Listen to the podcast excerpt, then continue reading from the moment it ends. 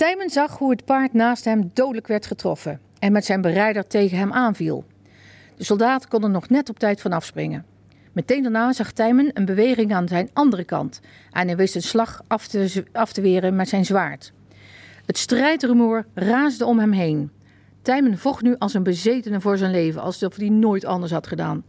Er ging maar één gedachte door zijn hoofd: ik wil niet dood. Zou je vanaf hier ook nog even willen lezen? Ja. Want dan is de strijd voorbij Ja. en Tijmen en Ries zijn elkaar uit het oog verloren. Ja, ja, in zo'n strijd gebeurt dat wel eens. En dan weet je niet wat er gebeurd is. Nee.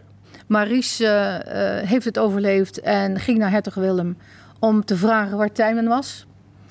En die wijst hem gewoon, hij was ook doodmoe, dus hij wijst alleen.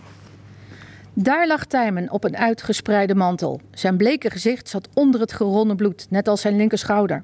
Hij zat onder de blauwe plekken. Ries kwam weifelend dichterbij.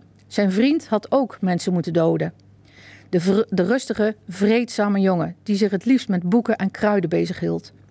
Ries zou er alles voor over hebben om datgene wat zijn vriend was overkomen weg te nemen.